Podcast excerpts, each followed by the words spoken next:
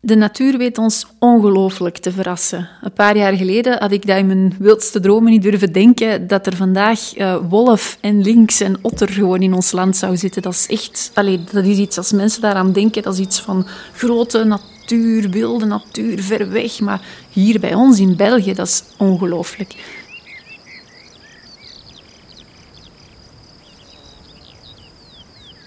Je hoorde Annelies Jacobs, bioloog en ecoloog bij Natuurpunt. Ze is duidelijk enthousiast en terecht. Want onze natuur telt vandaag meer wilde soorten dan we ooit hadden durven dromen. Kraanvogels hebben voor het eerst sinds lang terug gebroed in Vlaanderen. En er zijn ook weer raven, wolven, otters, oehoes en nog veel meer soorten.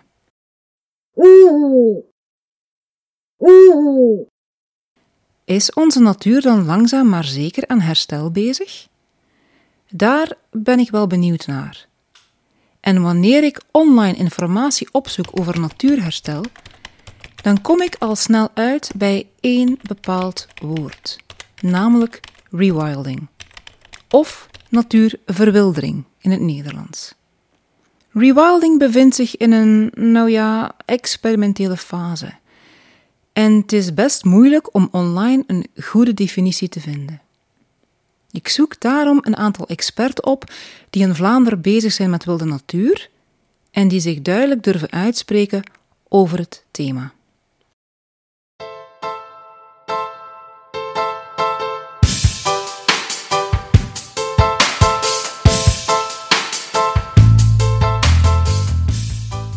Welkom bij aflevering 1 van Wild Vlaanderen een podcast over de verwildering van de Vlaamse natuur. In deze aflevering bekijk ik samen met drie experten wat rewilding betekent voor onze regio.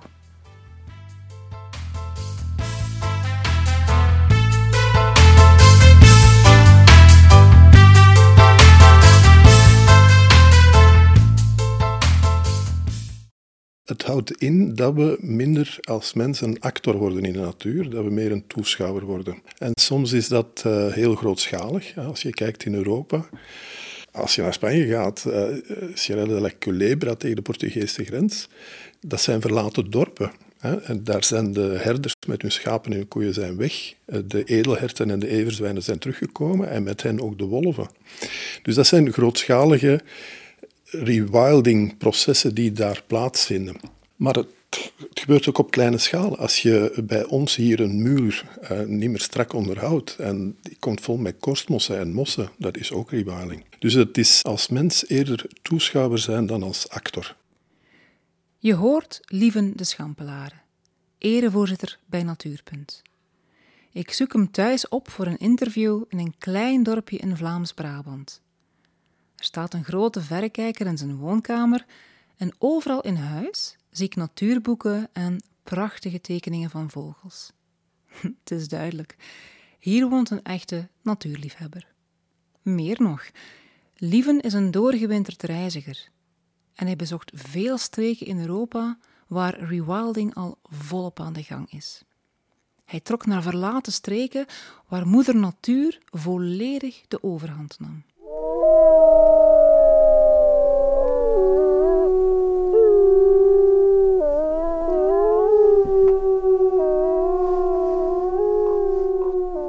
Als erevoorzitter bij Natuurpunt trekt hij nu mee aan de kar van rewilding voor Vlaanderen. Meer wil de natuur bij ons, zoals elders in Europa, dat moet volgens Lieven zeker kunnen.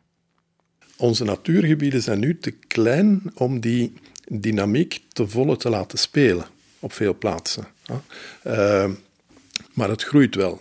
Maar soms heeft onze Vlaamse natuur een eerste zetje nodig om terug wild te kunnen worden. Het spontane natuurherstel, zoals Lieve dat zag, in Oost- en Zuid-Europa bijvoorbeeld, is niet zomaar aan de orde in onze kontrijen. Rewilding is voor mij het herstellen van grote natuurlijke processen. Dus die processen die wij als mens uh, teniet hebben gedaan, om die opnieuw te gaan herstellen. Dus voor mij is het eigenlijk een soort natuurherstel, maar dan echt naar de fundamenten zelf. Naar de fundamenten zelf in de zin van herstellen van interacties tussen de verschillende componenten van het ecosysteem. Je hoort Dries Bonte. Dries is professor ecologie aan de Universiteit van Gent. Ik zoek hem op in zijn kantoor op de tiende verdieping in de Gentse Ledegangstraat. Hier worden toekomstige biologen en ecologen opgeleid. Maar vandaag liggen de gangen er bijzonder verlaten bij. De studenten zijn braaf aan het blokken, hoop ik, en Dries neemt de tijd om met mij te praten over rewilding, een thema dat ook hem nauw aan het hart ligt. Ja, voilà. Ik vraag Dries om mij een concreet voorbeeld te geven, want als ik eerlijk ben, is het mij nog niet volledig duidelijk. En hij geeft als voorbeeld de gecreëerde overstromingsgebieden langs de Schelde en de Maas. Wij hebben als mens namelijk die rivieren eeuwenlang proberen sturen. Maar natuur laat zich niet sturen, zegt Ries. En eens we dat gaan beseffen en we rivieren meer ruimte geven, dan kan de natuur op eigen benen staan. Het water zoekt zijn eigen weg en we krijgen een andere en rijkere fauna in, maar ook om de rivieren.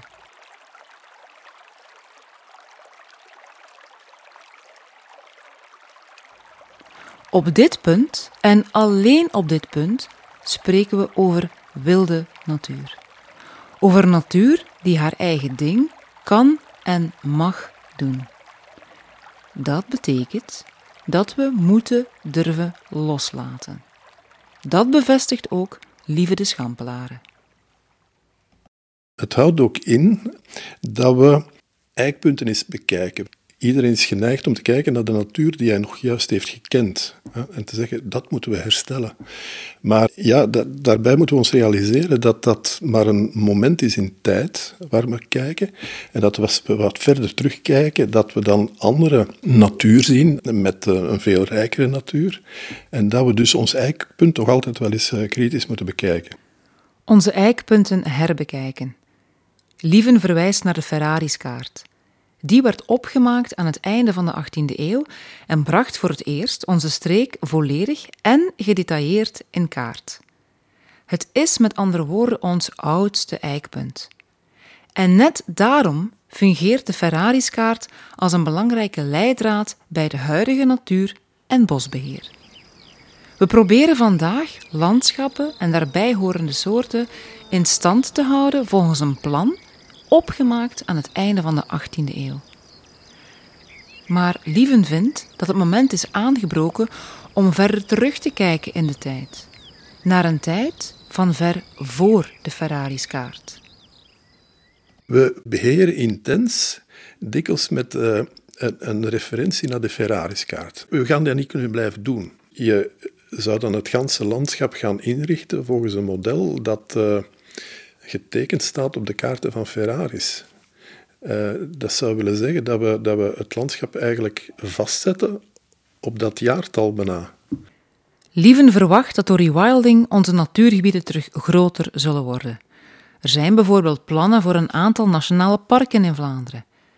En bij grote stukken groen is intensief natuurbeheer, zoals we dat vandaag doen, misschien niet langer haalbaar want dat alles kost veel geld, tijd en moeite. En bovendien zijn de omstandigheden ondertussen zo veranderd dat we misschien bepaalde zaken moeten durven in vraag stellen.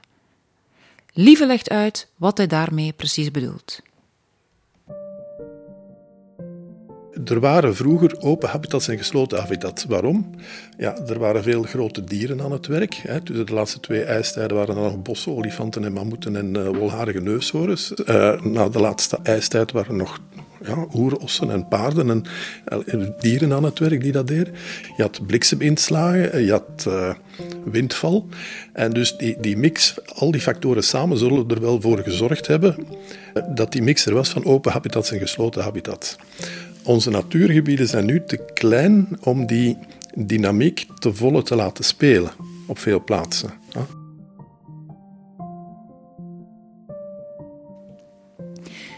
De tijden en landschappen zijn veranderd, dat is duidelijk. Maar we worden vandaag ook gedwongen om anders te gaan kijken naar natuur, omdat er, nou ja, nog een ander probleem opduikt. Een probleem dat veel natuurbeschermers in de haren doet krabben. Het andere is, dat is dat vooral de factor stikstof ervoor zorgt dat ja, een aantal soorten planten daar concurrentieel voordeel van krijgen. Neem een 25% maar dat 75% daaronder leidt en wordt verdrongen. En als er een aantal plantensoorten verdrongen worden, dan verlies je niet alleen die plantensoorten, maar ook die insecten die erop leven. Het, het uh, zorgt voor meer schade op de bodem. Dus je krijgt eigenlijk een heel verlies aan, aan biodiversiteit. Vandaar dat we dat... Uh, ja, door beheer, en dikwijls intensief beheer, dat we dat proberen te herstellen. We zullen dat blijven doen. Maar we zullen dat niet overal kunnen blijven doen, omdat het te intensief is.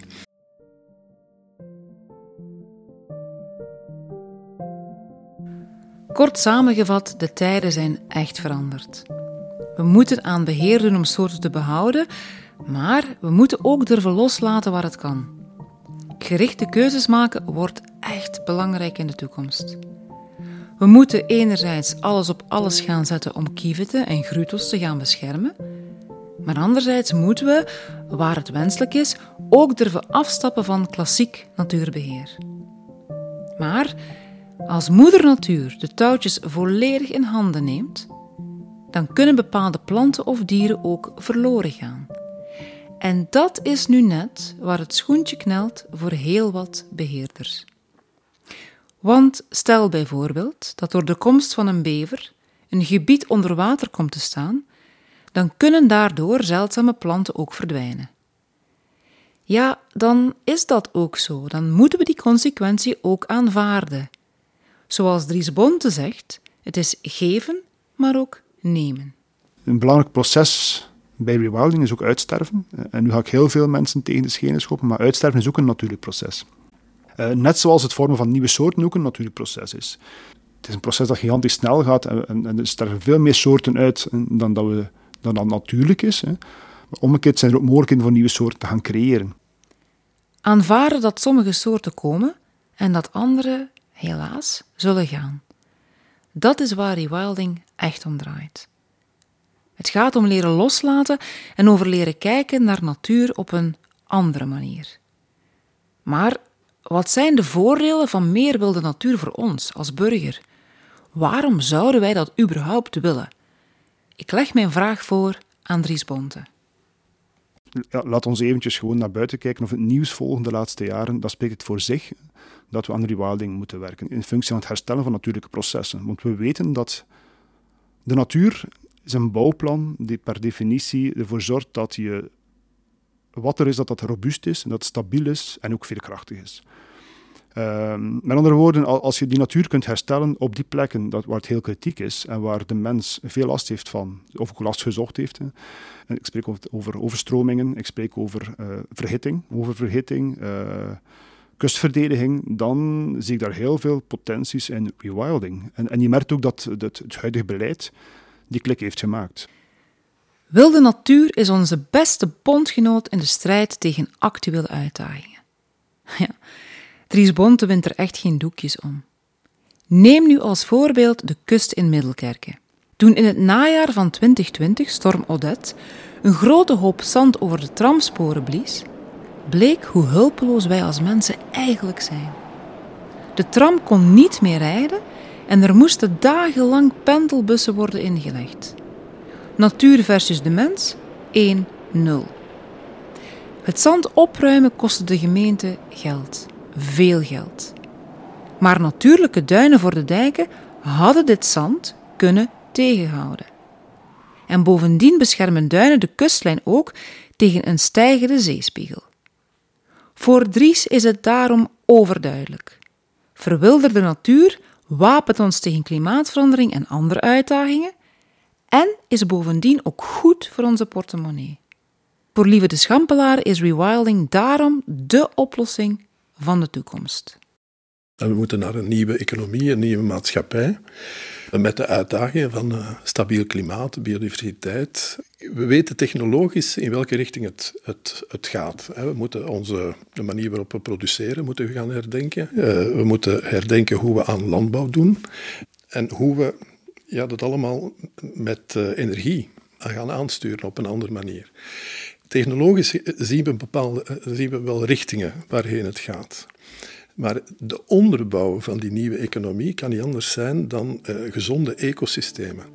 En dan krijg je uh, ja, een stuk redesign van, van Vlaanderen, waar we eigenlijk al mee bezig zijn. Ja, waar heel veel plaats gaat zijn voor werken met natuur en natuur die zijn gang mag gaan.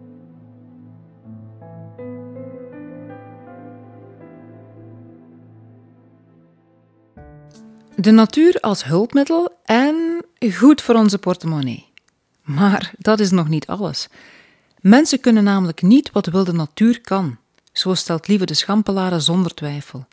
Want wat wij ook proberen als mens, ja, de natuur staat net altijd ietsje verder in het maakproces. Je kan door mensen niet die fijnheid van habitats laten maken die een rivier uit zichzelf kan maken. Een rivier die meandert, daar zit een steilrand in, daar ligt een modderstrookje langs, daar ligt een kiezelveldje in. Je hebt snelstromend, traagstromend. Je kan dat niet door menselijk beheer. En dus uh, die microhabitats, ja, je moet nat natuur daar kansen geven, zodat die microhabitats ontstaan.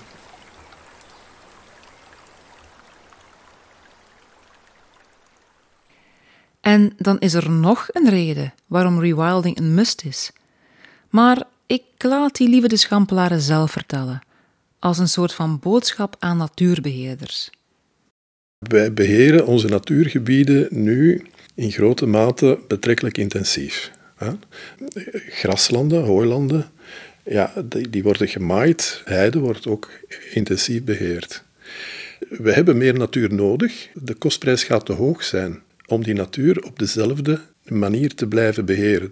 En dus wij moeten kijken van die bijkomende natuur, hoe gaan we die beheren? En daar is loslaten, wat veel mensen toch associëren met natuur. Dat is dat de natuur zijn gang kan gaan. Uh, zullen we daar moeten mee in betrekken.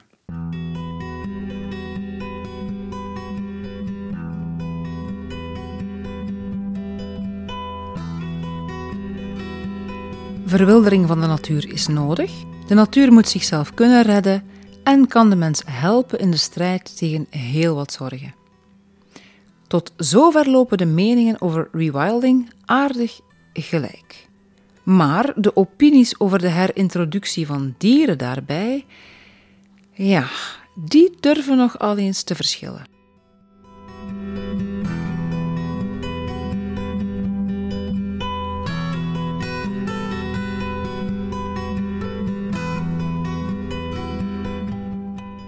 In Nederland bijvoorbeeld hoort bij rewilding ook het automatisch introduceren van grote dieren in natuurgebieden.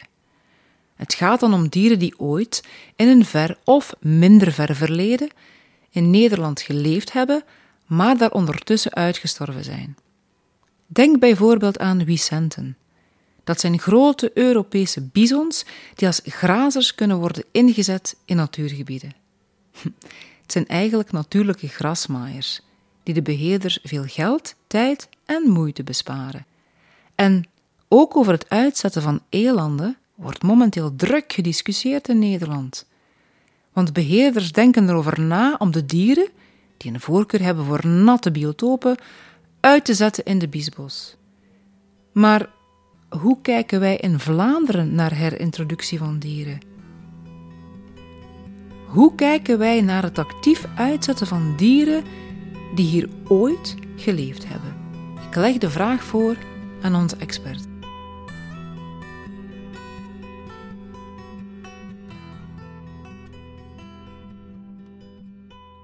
Ja, herintroducties zijn, uh, zijn nog altijd een gevoelig thema, denk ik. Hè. De, uh, en het ene land gaat daar anders mee om dan het andere. En bijvoorbeeld uh, in Groot-Brittannië, maar daar gaat men daar veel vrijer mee om. De reden is, ja, sinds er water in het kanaal staat, uh, is de kans dat een aantal soorten terugkomen niet zo groot. Hè. Dus uh, ik denk, ja, Nederland en, en, en, en Vlaanderen, ja, dat we daar heel conservatief zijn mee omgegaan. En we vonden dat soorten zelf moesten terugkomen. Alleen is dat uh, niet altijd meer realistisch. Als wij bijvoorbeeld in het Vlaamse veld uh, aan heideherstel doen, dan hebben wij met Europese middelen habitat geschapen voor het, het groentje. Uh, maar die vlinder gaat niet meer over de maïsvelden komen aanvliegen. Dus uh, we zijn wel zover uh, dat we onder de juiste omstandigheden en volgens heel duidelijke procedures herintroducties kunnen overwegen. Ik spits mijn oren, want ik ben nu wel heel benieuwd naar de soorten waar Lieven het over heeft. En ik vraag hem daarom naar enkele voorbeelden van mogelijke herintroducties in Vlaanderen. We hebben liefst dat soorten terugkomen. Ja, dat, dat we helpen om het hier dan goed te doen hè, in, die, in die natuurgebieden die we hier, eh, die we hier gesteld hebben. Herintroducties dan, wat zou je kunnen overwegen? Ik geef, ik twee voorbeelden. Vicent is er één. Vicent was uitgestorven, is dan snel terug in Bielowisja eh, geplaatst. In Nederland lopen op een aantal plaatsen in afspanningen Vicenten rond. Dat lijkt betrekkelijk goed te gaan, eh, ook als daar mensen doorwandelen. Eh, ik krijg toch regelmatig de vraag van wanneer Vicenten hier in Vlaanderen? En het gesprek loopt, denk ik. Maar ja, Wissent is natuurlijk een soort die tot de verbeelding spreekt en die het beeld oproept van die, die grote natuur die hier vroeger was. Hè.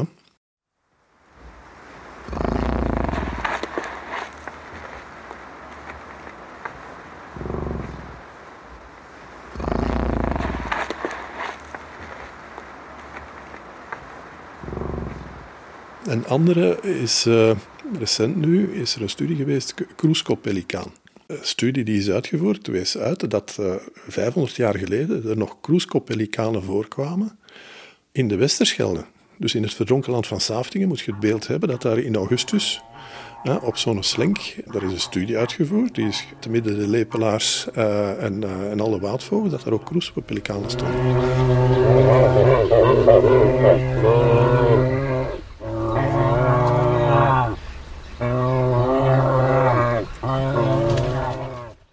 Ja, de overweging is dan, die soort, eh, hoe zou die het nu kunnen doen hier? Relatief positief.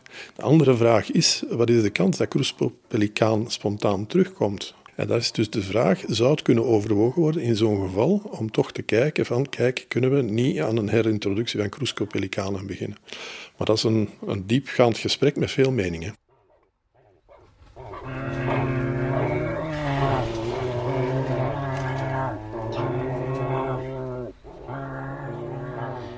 Uh, pelikanen in Vlaanderen? Dat is niet voor iedereen evident. Lieve vertelt me dat pelikanen hier tot de 15e eeuw voorkwamen. Ze leefden aan de kust en bij riviermondingen, maar stierven later uit door jacht en door vernietiging van een leefgebied. Hij beseft dat een herintroductie van de soort 500 jaar later best gevoelig kan liggen. En hij geeft daarom aan dat het herintroduceren van dieren die hier ooit geleefd hebben geen doel op zich mag zijn. Wanneer dieren actief worden uitgezet, zo stelt hij, dan moet dat positief zijn voor het ecosysteem en moet er een duidelijke meerwaarde zijn. Dat is bijvoorbeeld bij Vicente al duidelijk het geval. Zij kunnen worden ingezet als grazers en zullen zo mee de natuur gaan beheren. Maar bij kroeskop-pelikanen is de discussie nog volop aan de gang. En de neuzen staan nog lang niet in dezelfde richting. Want ook Dries Bonte bijvoorbeeld vindt de herintroductie van de pelikanen best een lastig verhaal. Kijk, door de introductie van soorten ga je eigenlijk rechtlijnig in tegen die idee van rewilding. Want dan zorg je ervoor dat je iets stuurt door bepaalde soorten te gaan introduceren. In het geval van die pelikaan zie ik dat op dit moment niet van in, maar ik weet ook niet, ik ken ook de context niet vooral duidelijkheid, waarom dat je dat zou willen doen. We hebben tussen allscholvers hier zitten, dus als het effectief de bedoeling is om bepaalde diensten te gaan herstellen, dan zie ik op het eerste zicht echt niet wat dat die pelikanen kunnen gaan doen hier. Ik, ik snap perfect dat dat, dat, dat, wel, dat een oplossing is om die soort te, te, te, gaan, te, gaan, te gaan beschermen.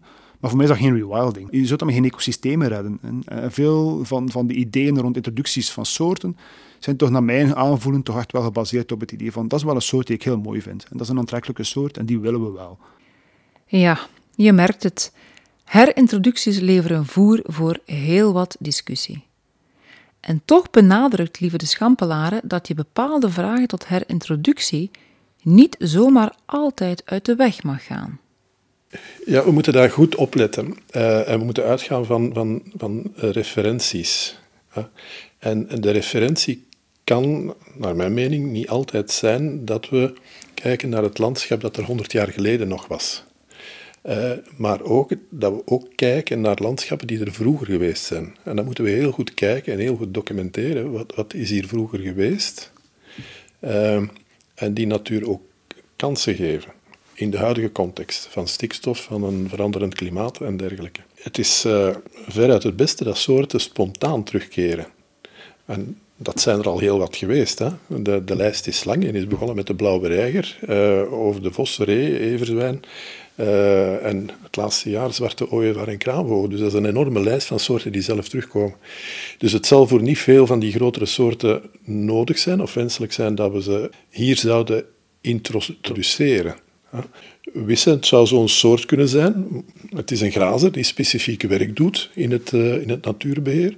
En het is wel een soort die, uh, die hier uh, in de tijd thuis hoort en hier ook terug zou kunnen het goed doen. Maar we moeten daar goed bij opletten. Maar we mogen die vraag ook niet uit de weg gaan. Lieven geeft aan dat bepaalde herintroducties zeker moeten kunnen. Maar dat alles goed gestaafd moet worden met onderzoek. En dat gebeurt uiteraard ook. Zo is het onderzoek naar de pelikanen nog volop aan de gang. Want wat gebeurt er bijvoorbeeld als de dieren in aanraking komen met hoogspanningsdraden of met windturbines? En zijn er wel voldoende broedeilanden voorradig? Er is nog heel wat research nodig. In een ideale wereld komen wilde dieren vanzelf naar hier, omdat onze natuur voor hen aantrekkelijk genoeg is. Maar dat lukt niet bij elke soort. Sommige dieren geraken hier niet op eigen kracht. Ze zijn minder mobiel of zitten vast in een gebied waar ze niet makkelijk uit geraken. Zo kunnen Vicente bijvoorbeeld niet vanuit Polen of Wit-Rusland naar hier komen gewandeld. En bovendien willen veel bezoekers in een Vlaams natuurgebied of in een nationaal park ook iets zien. Het blijft tenslotte ergens ook wel showbusiness, zegt Lieve de Schampelaren. Ik leg het standpunt voor aan Dries Bonte. En ja, hij blijft toch zijn twijfels hebben bij bepaalde herintroducties.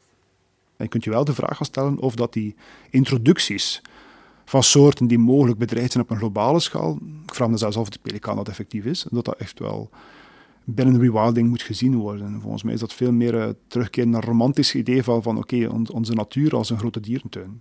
We leven in een andere context en eigenlijk een, terugbeeld naar referentiebeelden die vroeger zijn, of, maar die context, ons landschap is compleet veranderd. dus de vraag is of dat je dan ja, je zou kunnen zeggen, doe je dieren daarmee een plezier. Hè? maar dat is dan uit van het perspectief van, van, van mogelijk dierenleed. Maar zelfs hebben de dieren er geen last van. Ik bedoel, de kans dat je dan duurzame populaties zou gaan stichten, is volgens mij minim. Ik ben dan eerder voorstel, maar dat is opnieuw een keuze, om, om inderdaad die processen toe te laten en toe te laten dat andere soorten zich kunnen vestigen. Geef ruimte aan die wolf, geef ruimte aan die vos, geef ruimte aan de aalscholver dat, dat, is volgens mij de mooiste verwezenlijking van rewilding, dat die, dat die soorten spontaan terugkeren dan eerder dan effectief introduceren. Rewilding levert duidelijk stof voor een goede en stevige discussie. Maar dat mag ook, want veel heeft te maken met het feit dat het concept nog in de experimentele kinderschoenen staat. De vraag is dan hoe ver wij op dit moment in Vlaanderen staan met wilde natuur, of kunnen staan. Want er zijn wel een aantal uitdagingen die het ons in de toekomst niet makkelijk zullen maken. De mens is, maar dat is natuurlijk een stuk filosofisch. Hè. Ik zie dat als je gewoon rondkijkt in, in tuintjes, in, van, van in tuinen tot op een grotere schaal, dan zie je dat de mens eigenlijk uh, vanuit het idee leeft dat wij natuur moeten beheersen. Van het, het grasmaaien tot op de, de centimeter af, tot en met het, het, planten van bomen die liefst niet te veel bladafval geven. Uh, ook, dat er ook geen, geen, op komen, met andere woorden, we gaan dan kiezen voor exotische soorten. Dus je ziet dat de mens eigenlijk wel die natuur wel voor een stuk ook wel wil. Uh, maar we proberen die te gaan beheersen. En we, hebben dat eigenlijk altijd gedaan. Hè. Ook de kust, rivieren, uh, de bossen, de spontane verbossing, we hebben dat eigenlijk altijd mooi in heel specifieke vakjes gestoken, zonder na te denken over hoe dat die verschillende natuurtypes eigenlijk met elkaar in verbinding staan en hoe dat die verbinding tussen die verschillende natuurtypes eigenlijk wel kan helpen om die extreme omstandigheden, om die te gaan bufferen, uh, waar, waar wij nood aan hebben natuurlijk. Ja. En het grote probleem van rewilding is natuurlijk dat je moet denken op lange termijn. We zijn, wij als mens zijn, natuurlijk ongelooflijk ongeduldig. En, bedoel, ook natuurbeheerders, voor alle duidelijkheid. Men, men, zal iets gaan doen omdat men binnen de twee, drie jaar, vijf jaar die soort wil terug hebben, die populaties wil hebben. Ja, soms moet je ook wel rekening houden met die natuur en dat die natuur meer tijd nodig heeft. Ja, en we zijn gewoon ongeduldig. Eh, dus met andere woorden, dat zorgt ervoor dat je niet op korte termijn zo'n ding kunt gaan realiseren. En als beleidsmakers, politici, die moeten eigenlijk op lange termijn gaan denken. En je weet ook, of ik zou zeggen, men weet ook dat de lange termijn denken, dat lange termijn denken voor, voor, politici niet echt altijd het meest gunstig is eh, en dat het niet altijd evident is om zo'n beslissingen te gaan nemen. Onze drang naar controle en ons ongeduld zijn duidelijke belemmeringen. Maar dat is niet het enige. Er is nog zoiets als de beruchte Vlaamse ruimtelijke ordening. We zitten eigenlijk met een, een erfenis van het verleden die het eigenlijk moeilijk maakt voor Vlaanderen om überhaupt te gaan concurreren, als je het dan effectief zo ziet, met, uh, met onze buurlanden in functie van rewilding. Dat betekent niet dat we er niets aan kunnen doen, hè, maar we staan achter. En ik denk dat we achterstaan gewoon door, door, door die erfenis van het verleden. En, en die is niet gemakkelijk uh, om te tunen, om te zetten in, in, in iets positiefs, tenzij er echt wel grove middelen gebruikt worden. En het is ook wel een besef dat rewilding wel zijn plaats heeft in Vlaanderen. Um, maar binnen bepaalde schalen, binnen bepaalde limieten. En ja, echt, echt nadenken over het loslaten van, van de natuur in Vlaanderen, dat is volgens mij praktisch onmogelijk, omdat we de ruimte niet hebben. En omdat we de ruimte niet hebben, zijn er sowieso invloeden van rondaf. Stikstofdepositie, om maar één te noemen, zelfs al laten we alles wild worden, dan nog hebben we als mensen impact op het systeem, omdat er massaal, massaal veel stikstof uit de lucht binnen die gebieden komt aangevlogen en aangewaaid. Voor Dries Bonte zijn het gebrek aan ruimte en het stikstofprobleem belangrijke hindernissen. En hij vertelt me hoe in Noord-Amerika en Oost-Europa grote gebieden ontvolkt geraakten, omdat mensen naar de steden of de kust trokken. In de leeggelopen regio's neemt de natuur stilaan maar zeker het roer over. En grote dieren komen spontaan terug. Maar in het dichtbevolkte Vlaanderen, waar we bovendien ook nog kampen met een teveel aan stikstof, is meer ruimte voor natuur creëren niet zo evident. Wij hebben dringend een inhaalbeweging nodig. En dat vindt ook Lieve de Schampelaren. Ruimte, denk ik, eh, die gaat er wel komen. Ruimte voor rivieren, ruimte voor kustbescherming. Eh, en dan grotere natuurgebieden, dat gaat wel gebeuren. We, zien uh, bosprojecten, we gaan ook in de richting van een aantal nationale parken. We zien ook in de Kempen bijvoorbeeld toch grote natuurgebieden ontstaan, waar, waar inderdaad de uitdaging is, hoe gaan we ze allemaal met elkaar verbinden. Ruimte zie ik wel komen. Maar het is natuurlijk zo dat de milieuparameters, en dat is ten eerste stabiel klimaat, CO2. Hè, uh, het andere is stikstof. Uh, dan heb je de hoeveelheid water en dan heb je de waterkwaliteit, dat die beperkend zijn. Op de agenda voor de komende jaren zou dus moeten staan het hertekenen van Vlaanderen, een ander en beter ruimtelijk beleid en vooral ruimte. Ruimte voor meer natuur, maar ook ruimte voor andere denkwijzen. En dat besef begint er stilaan te komen, zegt Dries Bonte. Ik ben niet bepaald trots uh, op waar we staan in functie van rewilding in Vlaanderen. Maar je merkt wel dat, dat, dat, het, dat het tij aan het keren is. Hè. Je merkt eigenlijk wel dat de overheid, dat beleidsmakers zich toch, en eigenlijk maar een heel recent fenomeen eerlijk gezegd, de laatste vijf tot tien jaar zich echt bewust beginnen te worden van het feit, oké, die natuur het herstel van natuur en die processen zorgt voor voordelen voor de mens uh, die we nodig hebben. Wij als wetenschappers hebben die inzichten al toch wel enkele decennia. Uh, het vergt altijd wat tijd om, om die inzichten te laten doordringen in het beleid. Maar ik denk ook dat het beleid ook met, met de neus op de feiten is gedrukt op een gegeven moment. Uh, we spreken over overstroming deze zomer nog in, de Ardennen bijvoorbeeld. vroeger overstroming van de Scheldebekken erosie van, akkers. Dus eigenlijk merkt men eigenlijk ook dat de traditionele techniek die vroeger gebruikt werd, dus eigenlijk het geloven in de techniek om alle problemen op te lossen, dat men daar een beetje van afstapt. Uh, je moet ook ruimte geven aan, aan, aan, aan, processen en ook wat ruimte laten aan, aan toeval. Oké, het besef komt er, de wil is er al, Maar we hebben nog een lange weg af te leggen als het gaat over meer wilde natuur in Vlaanderen. Wat is dan alvast een eerste goede stap in die richting? Eigenlijk moet Vlaanderen werk maken van ontsnippering. Punt. Ik haalde net eigenlijk al aan dat dat de basis van rewilding of van een, een duurzaam ecosysteem, daar heb je, heb je nood aan, aan ruimte. En aan ervoor te zorgen dat die verschillende eenheden, zowel stedelijk gebied, natuurgebied, landbouwgebied, dat die op een goede manier aan elkaar zijn gekoppeld, hè, zodanig dat uh, iedereen van iedereen kan profiteren. Waar al heel veel over gepalaverd wordt, hè, is namelijk is, is, die, is die versnippering tegengaan, die ontharding tegengaan. Um, en dan merk je wel dat, dat er in principe wel een akkoord is om zoiets te gaan doen, maar dat we er gewoon niet geraken. Hè. Er zijn te veel mm, andere belanghebbenden die daarvoor tegenwind zorgen. Het is niet evident. En, je zou echt moeten drastisch gaan ingrijpen op bepaalde momenten. En echt moeten nadenken over grote maatregelen naar relocatie van, van, van, van woongebieden. Niet zomaar uh, alles maar toelaten. Uh, inclusief mensen die natuurlijk dan ooit wel hebben geïnvesteerd in een stukje bouwgrond midden in een overstromingsgebied. Dus met andere het zal geld kosten. Het, het, het, het zal niet evident zijn. Um, maar als we echt naar een wild Vlaanderen willen gaan, dan is dat de eerste en meest noodzakelijke manier om daaraan te starten. We moeten dringend actie ondernemen. En gewoon stoppen met palaveren. Zoveel is duidelijk.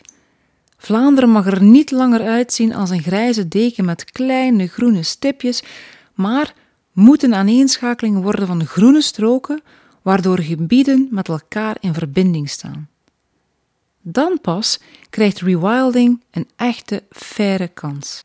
Dieren, maar ook planten, krijgen meer bewegingsruimte. En ze moeten niet langer gebouwen, wegen, kanalen zien te omzeilen. Maar daar zijn we nog lang niet. Ik zoek de sympathieke Annelies Jacobs op in het hoofdkwartier van Natuurpunt in Mechelen.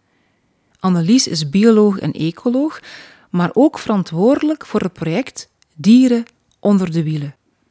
Dit project meet het aantal verkeersslachtoffers onder de dieren. In Vlaanderen hebben we het meest dichte wegennetwerk van heel vasteland Europa. Dat betekent in Vlaanderen dat een wild dier ongeveer om de 300 meter een weg tegenkomt. Dat is fenomenaal.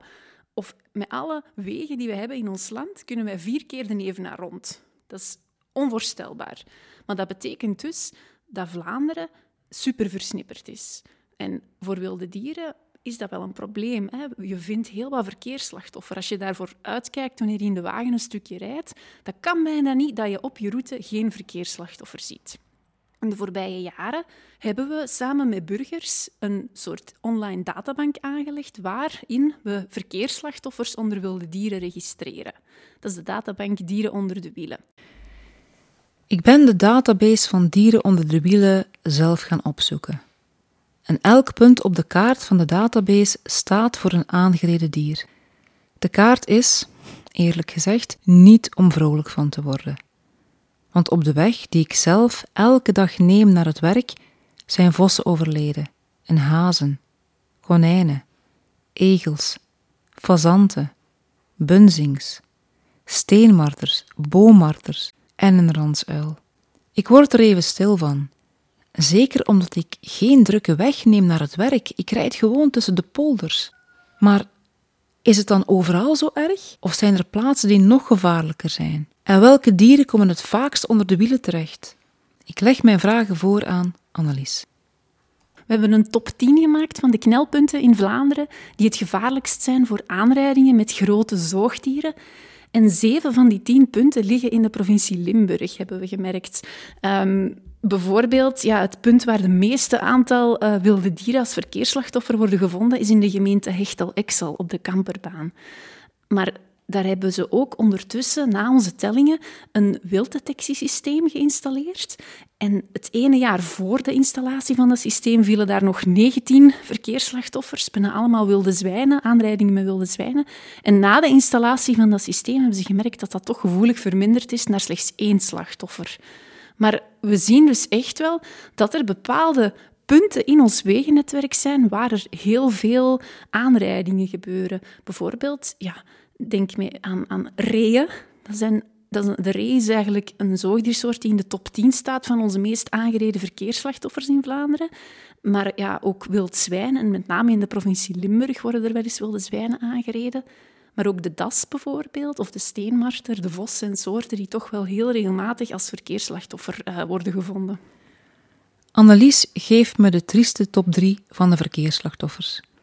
Op de eerste plaats staat de egel, op de tweede plaats de gewone pad en op de derde plaats de houtduif. Meer dan 13.000 dieren sneuvelden onder onze wielen in 2021. Het gaat daarbij over vogels, zoogdieren, reptielen en amfibieën. Maar waarschijnlijk zijn het er nog veel meer, want lang niet alle slachtoffers worden gemeld. En ik stel me dan de vraag: als er zoveel wilde dieren sneuvelen in het verkeer, maken ze dan in Vlaanderen eigenlijk wel een kans? Enerzijds heb je natuurlijk aantallen van dieren die onder de wielen belanden. Zoveel vossen zijn er gevonden, zoveel reeën, zoveel everzwijnen. Maar wat ook heel belangrijk is, is om te kijken van wat is nu de, de impact van die slachtoffers op de totale populatie. En voor bepaalde van die, van die grote wilde dieren die, die terugkomen naar Vlaanderen, denk bijvoorbeeld aan de otter of de wolf, hebben we referentiecijfers uit het buitenland. Die referentiecijfers, hoe werken die nu precies? Annelies legt het mij uit aan de hand van de otter, die nu ook steeds vaker opduikt in Vlaanderen. Als je bijvoorbeeld gaat kijken naar otter, in Nederland hebben ze nu ongeveer 400, meer dan 400 exemplaren otter. Die worden ook helemaal individueel opgevolgd via genetische studies, dus ze weten perfect welk dier waar zit van waar komt. En ze hebben eigenlijk gevonden dat elk jaar in Nederland ongeveer 33 procent, dat is een derde van alle otters in Nederland, sneuvelt in het verkeer. Dat is eigenlijk ongelooflijk. En dan kan je natuurlijk beginnen denken, ja, Nederland heeft ongeveer drie kilometer eh, weg per vierkante kilometer. In Vlaanderen is de situatie zo, wij hebben vijf kilometer weg per vierkante kilometer. Dat is nog een stuk meer versnipperd, nog een stuk meer uh, wegen. Dus in Vlaanderen gaan die cijfers vermoedelijk zeker niet rooskleuriger zijn.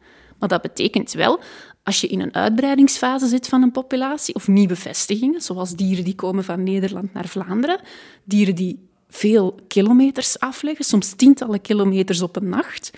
En een otter, ja, je denkt natuurlijk dat is heel watergebonden, maar eigenlijk als die migreert van punt A naar punt B op zoek naar een nieuw leefgebied, gaat hij heel vaak op het droge gaan proberen zijn weg te vinden, omdat dat een stuk handiger gaat.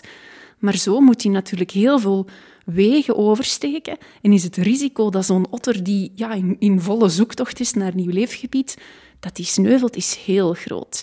Dus je moet alles een beetje in zijn context bekijken. En bijvoorbeeld voor dieren ja, die, die veel kilometers afleggen, die gevoelig zijn, die nog in een vroege kolonisatiefase zijn, dan heeft dat toch wel zeker een impact.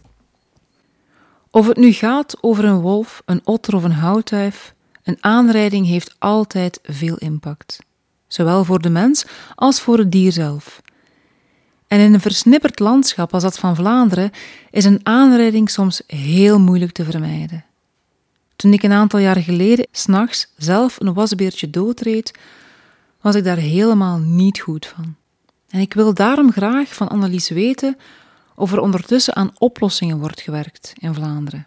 Sinds vorig jaar, 2020, is vanuit de Vlaamse overheid het Vlaams Actieplan voor Ontsnippering uh, gelanceerd, het VAPEO. En daarin zeggen ze dat ze voor 15 heel belangrijke knelpunten willen gaan werken aan oplossingen. Dat kan bijvoorbeeld in de vorm zijn van ja, de, de, gekende ecoducten met afrasteringen waar je wilde dieren eigenlijk veilig over de baan leidt. Maar dat kan ook zijn naar bepaalde tunnels die je gaat aanbrengen, uh, duikers die je gaat aanbrengen. Um, en heel gericht eigenlijk gaan kijken van wat zijn nu echt de knelpunten op basis van allerlei factoren waar dieren kans maken om slachtoffer te worden in het verkeer, om daar uh, die knelpunten te gaan oplossen het is niet altijd eenvoudig. En ik denk dat knelpunten oplossen maatwerk is.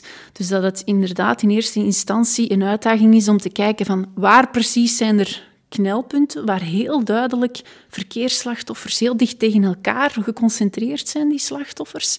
En dan kan je gaan kijken, afhankelijk ook van natuurlijk het type weg dat je hebt, wat er daar kan gebeuren. Werken op maat, dat maakt het zo interessant, maar ook soms ingewikkeld.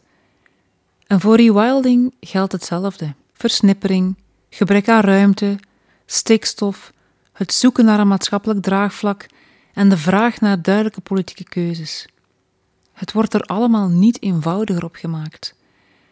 Maar dat de Vlaamse natuur zal verwilderen, hm, dat staat buiten kijf. Ik keer daarvoor nog even terug naar Lieve de Schampelaren. En ik vraag hem om te dromen. En om mij te vertellen hoe Vlaanderen er binnen pakweg 50 jaar zou moeten uitzien. Over 50 jaar het, het mogelijke beeld van onze Noordzee met windmolens, maar met heel veel vis, maar vooral op de zeebodem die rifstructuren die daar vroeger waren, dat die hersteld zijn. Dus een rijk uh, leven daar. Zie ik een kust die uh, robuust is tegen een hogere zeespiegel, met misschien enkele eilanden voor de kust, met uh, kolonies van sterns en misschien rustende zeehonden daarop. en bredere standen, bredere duingordels, misschien bijkomende overstromingsgebieden zoals de baai van Heist, met zand dat daar aan het werk is, zie ik uh, meanderende rivieren. De toekomst wordt groen en wild, als we lieve mogen geloven. Maar wat is vandaag het wildste stukje natuur in Vlaanderen? Ik vraag het als afsluiter aan mijn drie experten. En dat vinden ze best een moeilijke vraag. Ze vroegen mij allemaal of ze niet meerdere keuzes mochten opgeven. Uh, nee, dat mogen ze niet. Ik ben streng geweest. Uiteindelijk gaven ze mij drie mooie, verschillende gebieden aan. Ik laat Dries, Annelies en Lieve zelf aan het woord. Als je echt pure wilde natuur in Vlaanderen wil zien, dan ben je per definitie, kom je volgens mij uit bij de spontane natuur die zich ontwikkelt op de grens tussen land en water. Dan, dan ga ik voor de getijdengebieden, zowel aan de kust of uh, langs de Schelde. Dat zijn voor mij de typische voorbeelden van echt uh, verwilderde natuur, waar men de, de deuren eigenlijk heeft opengezet en eigenlijk alles heeft toegelaten wat dat de natuur zich spontaan kan vormen. Alleen al aan onze kust bijvoorbeeld zijn er gebieden die enorm bloemrijk zijn, die echt fantastisch zijn en dat we bijna niet weten, omdat aan de kust ja, die overvolle stranden met alle stranddoeken en mensen die daar komen zitten en van alles doen, ja, wij, wij kennen niet meer hoe onze bloemrijke duinpannen in, in de pannen in de Westhoek bijvoorbeeld eruit zien. Ik vond dat een van de meest fantastische gebieden om, om te zien dit jaar. Zo bloemrijk, met, met orchideeën die daar staan. Enorm, enorm knap. En dat zijn stukjes die, die de mensen eigenlijk niet kennen. Voor mij is de, de wilde natuur die mij het, uh, het meest aanspreekt, maar veel natuur spreekt mij aan, is het verdronken van Saaftingen. Dat is een, uh, een oerlandschap. Dat is het landschap dat uh, Plinius de Oude heeft gezien toen hij langs de kust van Vlaanderen voer. Dat is de getijdenwerking. dat zijn natuurlijke processen die daar lopen. Dat is grote natuur van Europese envergure, die nog groter is geworden nu, vlakbij Antwerpen, die daar meerdere functies vervult. Rijke biodiversiteit, enorme aantallen vogels, maar ook maar ook bescherming van Antwerpen tegen overstromingen.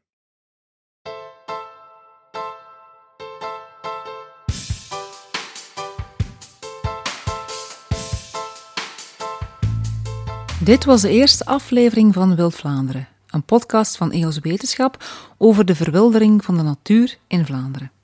Bedankt voor het luisteren. En vond je de podcast interessant? Beluister dan zeker ook de andere afleveringen en laat de recensie na. Zo weten ook andere luisteraars dit audioverhaal te vinden.